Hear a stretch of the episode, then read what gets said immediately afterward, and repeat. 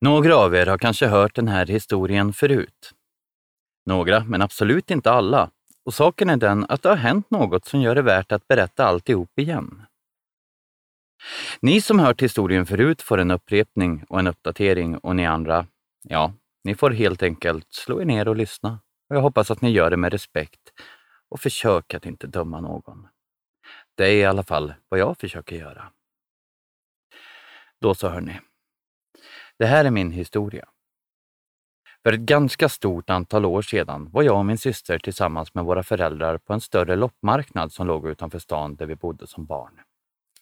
Jag minns inte längre varför vi var där. Det var ingenting vi brukade ägna oss åt i vår familj. Men där var vi i alla fall och jag kommer ihåg att vi tyckte att det var både roligt och spännande att gå omkring där och titta på alla saker som fanns.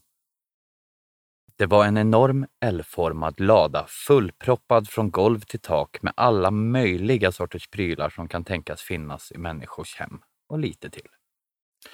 En del är riktigt gamla saker, en del nyare och somligt till och med helt nytt och oanvänt, fortfarande kvar i sin förpackning. Där fanns allt man kunde tänka sig. Möbler, porslin, husgeråd, kläder, leksaker, böcker, gamla skivor vars artister sedan länge var bortglömda, radioapparater, smycken, ja, allt mellan himmel och jord. Det fanns där. Så som det brukar vara på loppisar, fast mycket mer och mycket större. Mamma och vår far, skrivaren, köpte en Amerikakoffert den där dagen. Den kostade 75 kronor. Den var gjord i massivt trä, stor, grön och förskräckligt tung och liknade mer en kista i mina ögon.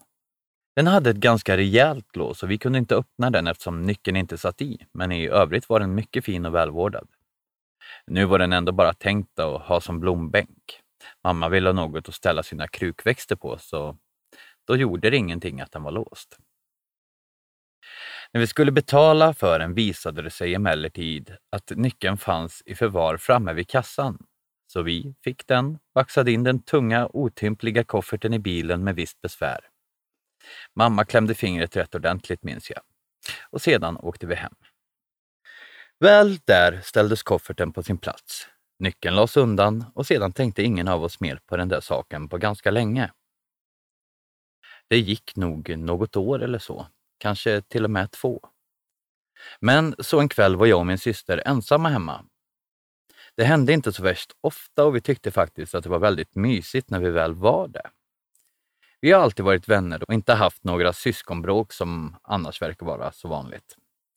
Förmodligen beror det på att hon är äldre än mig. Ganska mycket äldre. Just den här gången bestämde vi oss för att göra varma mackor. Vi var inte säkra på att vi fick, men vi gjorde det ändå. Och något gick fel så att foliet började brinna inuti ugnen och jag blev rädd och började gråta. Min syster lyckades släcka tämligen omgående, men nu var goda råd dyra.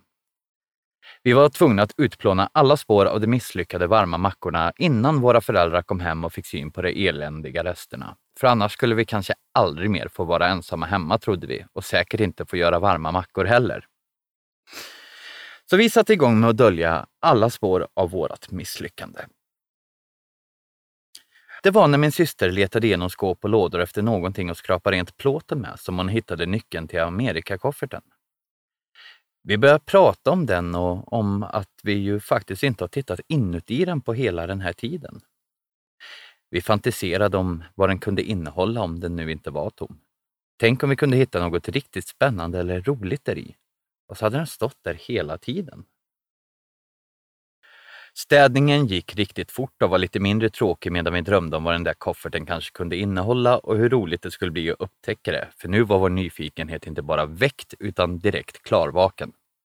Vi tänkte öppna och titta så fort vi var klara i köket. Så vi tog med nyckeln ut i vardagsrummet och satte oss på knä framför kofferten för att öppna Pandoras ask. Det är svårt att säga så här i efterhand om vi ångrar att vi gjorde det, men vi visste ju inte då vad vi skulle hitta. Så vi flyttade försiktigt undan mammas dyrbara krukväxter och prydnadssaker och öppnade locket. Kofferten var inte tom, men vi blev ändå ganska besvikna vid första anblicken, för den innehöll bara en massa broderade dukar. Kökshanddukar, örngott och näsdukar. Prydligt ihopvikta och travade på varandra. Fina, men inte ett dugg spännande. Vi tog upp varsin trave och tittade närmare på dem och när jag kommit en bit in i min trave trillade plötsligt en bok ner på golvet. Den måste ha legat gömd inuti högen med fint broderade örngott. Boken var inte så tjock och hade mjuk svart läderperm. Den såg ut att vara ganska gammal och det stod ingenting på framsidan. Så jag slog upp första sidan för att se vad det var för en bok och jag förstod genast att det var en anteckningsbok. På Näs, Vinterhalvåret. Klara Cecilia.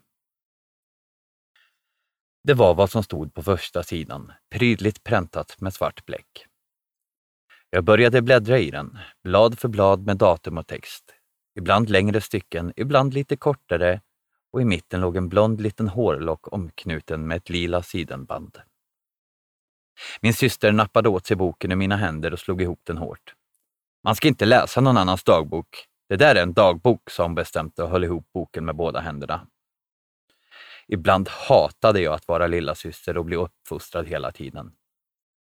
Det här var en sådan gång, men jag klagade inte för jag visste mycket väl om att hon förmodligen hade rätt.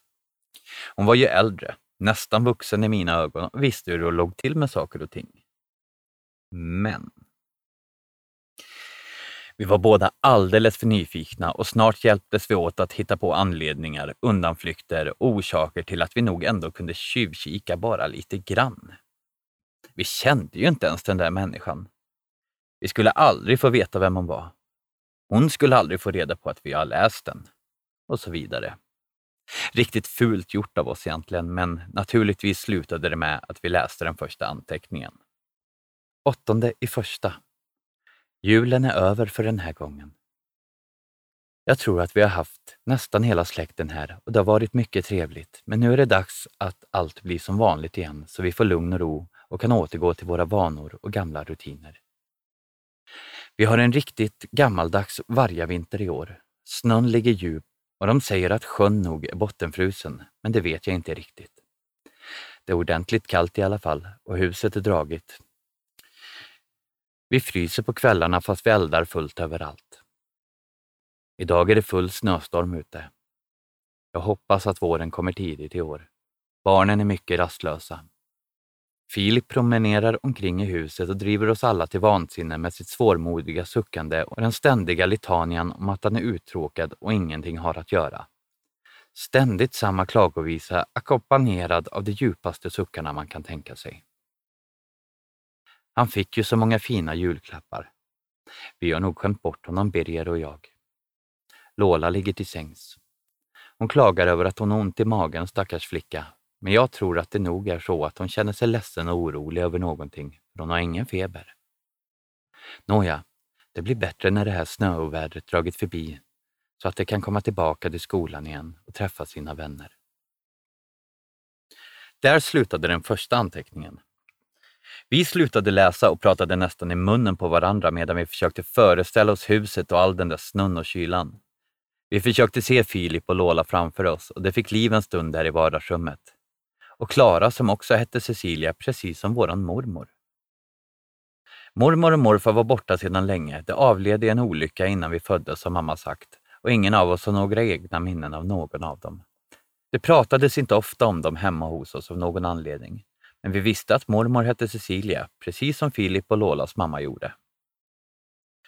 Tyvärr måste jag erkänna att nu fanns det inte längre någon återvändo. När vi läst den första anteckningen kunde vi inte längre hitta några hållbara argument som hindrade oss från att fortsätta att läsa. Skadan var ju redan skedd. Så vi fortsatte till nästa anteckning. Nionde i elfte. Det är fortfarande väldigt besvärligt väglag. Det snöar ännu och vi befarar att vi inte kommer härifrån på ytterligare några dagar. Tack och lov att vi har tillräckligt med mat och ved att elda i kaminerna med. Det är kallt på kvällen och natten, men vi klarar oss med extra täcken. Det värsta är vägarna. Hoppas de blir framkomliga snart. Vi blir ganska isolerade här ute när vägen är stängd och det är inte alls bra. Jag passar på att laga kläder och brodera och Birger läser eller arbetar vid skrivbordet. Men barnen blir fasligt uttråkade. Lola ligger fortfarande till sängs och Filip gör allt han kan för att reta henne och störa oss allihop med sina hyss. Det märks att hon är den äldre av dem, för hon har verkligen haft tålamod med honom idag och uthärdat många spratt tigande. Men till slut ikväll var måttet rågat och hon blev mycket arg på sin bror. Det blev ovänner och jag sprang dit så fort jag hörde deras arga höga röster för att hyscha på dem. Jag må då säga att jag har förståelse för att hon var upprörd.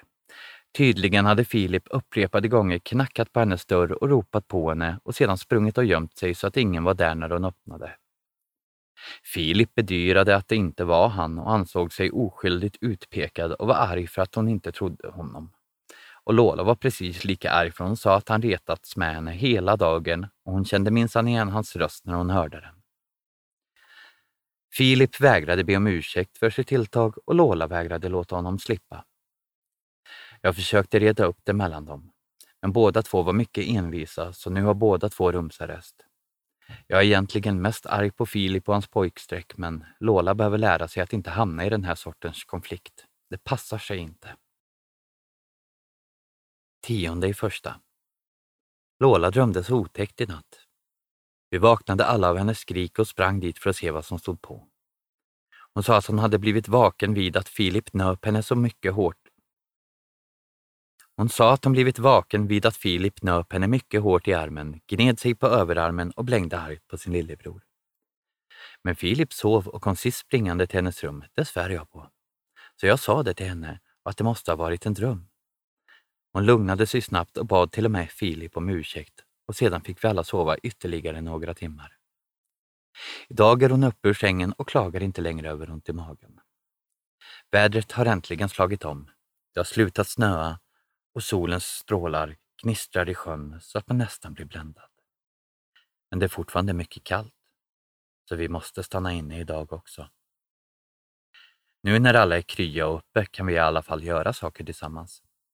Jag ska föreslå att vi spelar sällskapsspel för att fördriva tiden. Det tycker alla om och ingen blir rastlös och ställer till det för någon annan. Det är trevligt att familjen är samlad igen och att Lola känner sig bättre. Hon har ett förfärligt blåmärke på ena armen som hon inte kan förklara. Jag förmodar att hon gjorde sig själv illa när hon sov och därför drömde att någon nöp henne. Men nu är de äntligen vänner igen, hon och Filip. Tolfte i första. Det är inte så som det ska vara med Lola. Jag förstår inte det här. Det som hände övergår mitt förstånd. Jag saknar all kunskap om hur det bör hanteras och också om hur det kunde hända. I förrgår tillbringade vi kvällen med att spela sällskapsspel precis som jag planerat. Vi satt framför brasan i sällskapsrummet och drack varm choklad och spelade omgång efter omgång och vi hade allihopa mycket roligt till en början. Men Filip vann gång på gång och Lola blev mer och mer tystlåten. Det blev till slut sent och dags att gå till sängs och när Filip vann även det sista partiet skrattade Lola plötsligt till. Ett hårt, elakt och grumligt skratt helt olikt hennes vanliga silverklingande skratt. Vi vände oss alla om och såg förvånat på henne. Hennes ögonlock var slutna, men ögonen rörde sig snabbt fram och tillbaka där innanför ögonlocken och i samma stund kom elden från den öppna spisen flygande ut på golvet och jag, Birger och Filip blev upptagna med att släcka den, medan Lola lugnt satt kvar på sin plats och skrattade så där obehagligt. Vi låtsades inte om det och när vi gick till sängs var hon som vanligt igen. Nu ikväll hände något annat som får mig att undra över vad som är på tok med Lola. Det är som att hon ibland är någon helt annan en liten stund. Någon som vi inte alls känner och som gör saker som inte ens är möjligt att göra i denna världen. Det är riktigt otäckt. Ikväll satt vi runt matsalsbordet för att äta middag när Filip den odågan sparkade Lola på smalbenet under bordet. Hon sa till honom att låta bli vänligt fler gånger. Hon sa till honom att låta bli vänligt flera gånger, men det var som att han inte kunde låta bli. Till sist brast hennes tålamod. Hon blundade och ögonen for fram och tillbaka bakom de stängda ögonlocken så där otäckt igen. Filip! väste hon med en djup och mycket grov röst som inte alls kände igen. Hon lät nästan som, ja, som en man faktiskt. Vi stirrade förskräckt på henne där hon satt. Hur kunde den lilla flicktrasan låta så? Till allas vår fasa öppnade Lola plötsligt munnen. Det var som att hennes käke föll ur sitt läge och ner på bröstet och hon förblev sittande så. Lola, du glömmer dig, sa Birger strängt åt henne, men hon reagerade inte. Det var som att hon inte hörde honom. Vi hörde allihop hur det började slå i dörrarna uppe på övervåningen. En efter en öppnades och smälldes igen hårt och i snabb följd. Snälla Lola, sluta! kved Filip skräckslaget. Förlåt Lola, förlåt!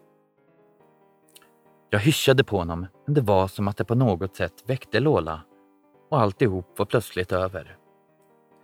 Lola var sig själv igen och blinkade förvirrat mot oss. Jag och Birger tittade från den ena till den andra. Och Filip som gömde ansiktet i händerna och grät. Han är ändå bara tio år pojken. Vad är det du gör Lola? röt Birger och lät fruktansvärt arg. Lola blev rädd och började gråta. Det är inte jag, tjöt hon förtvivlat och rusade upp på sitt rum och slog igen dörren efter sig. Tonåringar, muttrade Birger. Nu när jag sitter här och skriver har de andra sedan länge lagt sig och sover nog gott. Men inte jag.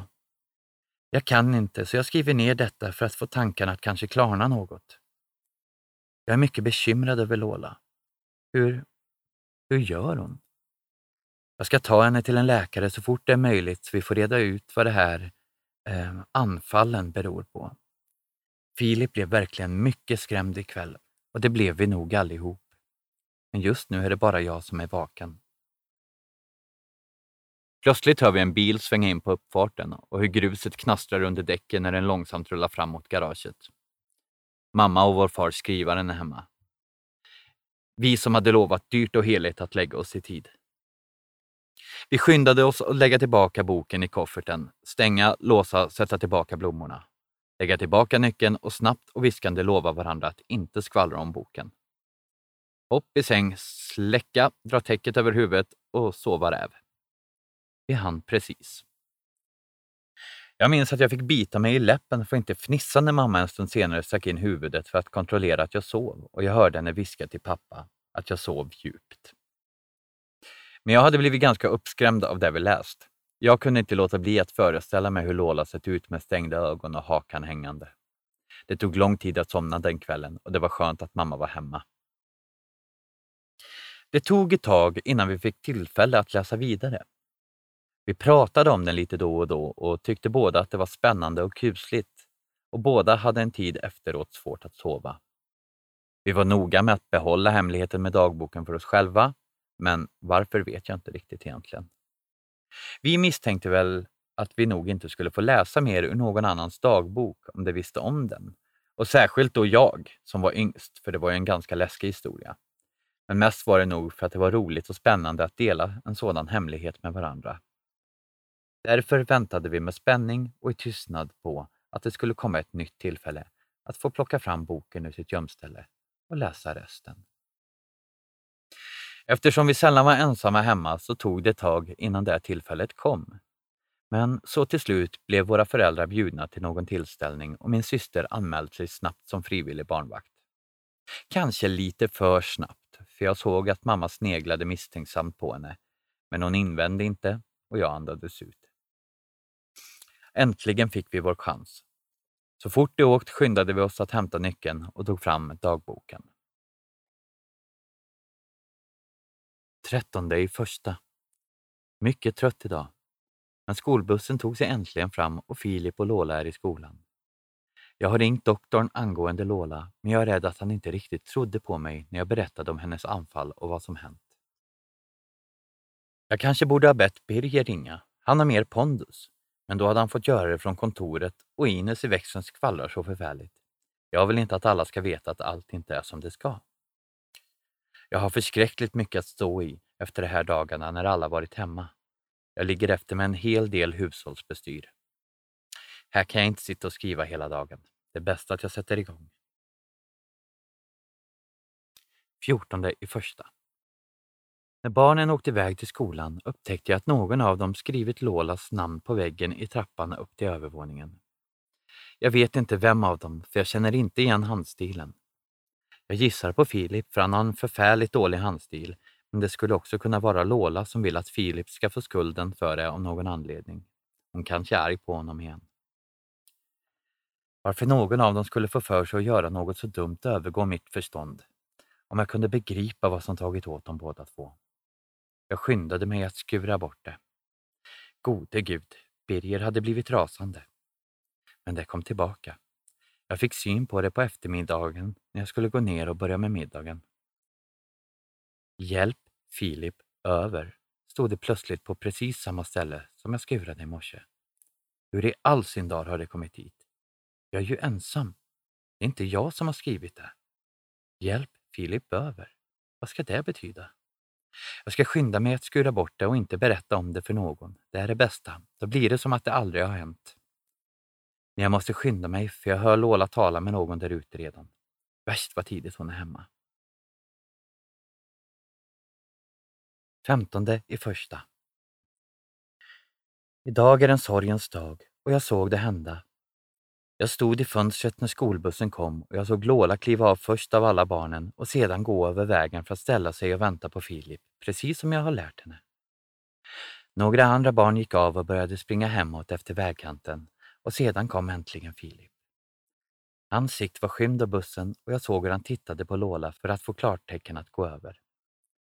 Jag såg Lola se sig om åt båda hållen och jag såg hur hon fick syn på den stora lastbilen.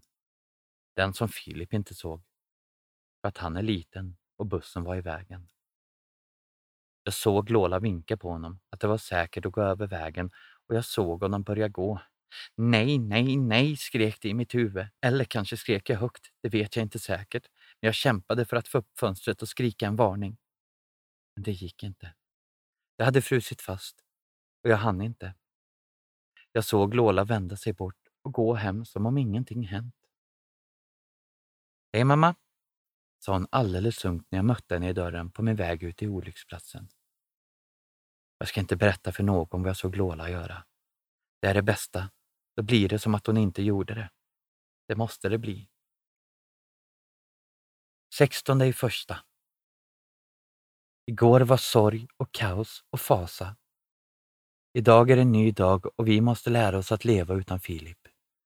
Jag måste försöka leva med vetskapen om vad Lola gjorde och att aldrig någonsin tala om det med någon, inte ens med henne. Jag undrar om lastbilschauffören såg. Jag lider oerhört med honom också. Det blir inte lätt för honom att gå vidare. Jag är rädd att min syn på Lola och mina känslor för henne förändrats för alltid. Men jag kan inte låta någon veta det heller. Hon verkar inte särskilt berörd och när Birger frågade henne hur det kunde hända slöt hon bara ögonen på det där otäcka viset och mumlade Jag skulle hjälpa Filip över. Jaså, här sitter ni och läser någon annans privata dagbok. Fy skäms på er! Vi hoppade högt båda två. Oj, mamma! Vi hade varit så upptagna av det vi läste att vi varken hört dem komma hem eller att mamma smugit sig upp bakom oss. Vi tittade skrämt och skuldmedvetet på varandra och såg sedan båda två skamset ner i golvet. Mamma passade på att rycka åt sig dagboken och tryckte den hårt mot bröstet som att hon behövde försvara den, skydda den med sin kropp mot oss, fienden. Hon var verkligen fruktansvärt arg, farligt arg. Vi var bara barn och blev ganska rädda och förvirrade. Varför blir hon så arg, minns jag att jag tänkte. Hon tog så fruktansvärt illa vid sig och jag har aldrig tidigare sett henne så utom sig och rasande. Jag förstod mycket väl att man inte ska läsa andras dagböcker och jag kunde förstå att de blev arg när vi gjorde det. Men det var ändå bara en främmande människas dagbok. Hur kunde de bli så orimligt arg över det? Vår far, skrivaren, kom in i rummet och tog in scenen med en enda blick. Gå och lägg er flickor, sa han kort. Omedelbart. Nu! Det där gjorde mig ännu mer rädd och jag stod som fastvuxen. Hur visste du att det var en dagbok? frågade min syster plötsligt och lät ganska trotsig. Mamma såg på henne med en mörk blick en lång stund och jag minns att jag tänkte att nu kommer hon få så mycket skäll och utegångsförbud att jag inte får se henne på en vecka. Vi hittade den bara, fortsatte min syster tappert. Den har varit i kofferten hela tiden och vi blev bara nyfikna. Det är jag som har lagt den där, sa mamma. Jag gömde den där för att det är mormors. Den är privat och ni har absolut inte lov att snoka i hennes privata tankar. Berätta inte om det för någon, fräste hon ilsket. Prata inte ens med varandra om det. Det blir bäst. Då blir det som att det aldrig har hänt. Vi blev stumma och smet tyst iväg till sängs utan att säga ett enda ord till och utan att ha lovat. I flera dagar efteråt vägrade hon att tala med någon av oss. Det var ett hårt straff att svälja för oss barn och vi försökte och försökte, men hon teg och tittade bort som om vi inte fanns. Vi såg aldrig mer till mormors gamla dagbok efter den kvällen. Hon måste ha gömt den väl, för jag måste erkänna att vi letade efter den många, många gånger. Vi ville ha en förklaring, slutet på historien. Och vi var bara barn, vi tänkte väl inte så noga över konsekvenserna av att veta allt det där i så unga år eller hur det skulle kunna skada oss och andra att veta. Och det var ju också på ett sätt för sent. Vi visste ju en del av den stora hemligheten och tog nog lika stor skada av att inte få historien avslutad som om vi faktiskt fått höra allt den där kvällen. Men nu blev det inte så. Vi berättade aldrig för någon annan om det vi läste i mormors dagbok. Jag tror att ingen annan vet om att vi läste den och ingen har någonsin nämnt det igen efter den gången. Men vi pratade med varandra om det så ofta vi kunde. Vi var tvungna och vi la vårt eget pussel med skärvorna av den vetskap vi fått. Vi räknade ut att Lola måste vara våran moster Carola. Lola måste ha varit hennes smeknamn som barn, även om vi aldrig hört någon kalla henne för det. Moster Carola som vi ibland firade jul och påsk med som små. Vi gillade henne och morbror Bertil och vår kusin också. Och nu tyckte vi att vi förstod varför han hette just Filip. Mamma måste ha varit sladdbarn och ännu inte född när allt det där med Lola och Filip inträffade. Men hon visste om det. Frågan är om hon fick veta det av mormor, Lola eller på samma sätt som vi, genom dagboken. Det vet vi inte. Mormor och morfar måste ha flyttat ifrån Håfästanäs, för vi har aldrig hört talas om det. Det kan man förstå att det gjorde. Vi har aldrig hört Filip nämnas, men vi visste att mamma hade en bror som dog väldigt ung. Hon sa att hon inte visste varför och hade glömt hans namn. Morfar, i den mån han alls nämndes, kallade hon omväxlande för pappa, far och er morfar men nu visste vi att han hette Birger. Plötsligt föll också ett antal detaljer på plats, sånt som vi inte ens har tänkt på tidigare. Som varför mamma alltid var så spänd och nervös i moster Carolas sällskap. Och varför mamma inte tyckte om att vi frågade om hennes barndom. Och speciellt inte om det var i närheten av moster Carola. Nu som vuxna har vi förstått ännu mera av det där pusslet och varför mamma blev så arg. Vi förstår att både mamma och moster Carola har tvingats leva med den där hemligheten, tiga om den, vara osäkra på vad den andra vet och hur man egentligen ska hantera en sådan händelse. Ingen av dem har någonsin nämnt det med ett enda ord i hopp om att det ska bli som om det inte hade hänt. Men så fungerar det inte. Och när de upptäckte det blev de båda arga och osäkra och ville absolut inte föra det vidare till oss barn. Men det finns också sådant som vi aldrig kommer få veta i och med att det inte talar. För vad var det egentligen som hände med moster Carola? Vad var det för konstiga anfall hon fick? Har hon någonsin haft sådana där anfall efter det? Fick hon någonsin hjälp? Men framför allt undrar vi om det fanns något i det där huset som påverkade dem. Eller var någon av dem galen åtminstone just där och då? Var det Lola som var tokig? Eller mormor? Eller Filip? Eller fanns det något ont där i huset i Håfestanäs? Var det en poltergeist som orsakade allt detta lidande? Vi vet inte och nu är det för sent. Och kanske behövs det inte längre heller. Men en sak är i och med detta fullkomligt klart.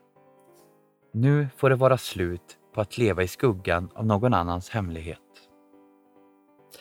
Det som styrde över mormor och Lola och mamma, det som av ondska hjälpte Filip över, det har inte längre någon makt över mig och min syster nu när historien är berättad högt och en gång för alla. Moster Carola gick bort för flera år sedan. Nyligen slutade också vår mor sina dagar och det var i samband med det som vi upptäckte slutet på historien som pågått i så många år. Det som fick mig att vilja uppdatera er som hört mig berätta det här förut och det som fick mig att vilja berätta den igen för er andra. Det var inte moster Carola som kallades för Lola som barn. Det var våra mamma. Dagboken är försvunnen. Vi fick reda på det på ett annat sätt, men vi behöver inte veta mer än så. Pusslet är lagt så gott det går och vi kan bara förstå och låta bli att döma. För att leva ett helt liv med en sådan hemlighet är sannerligen straff nog. Thank you.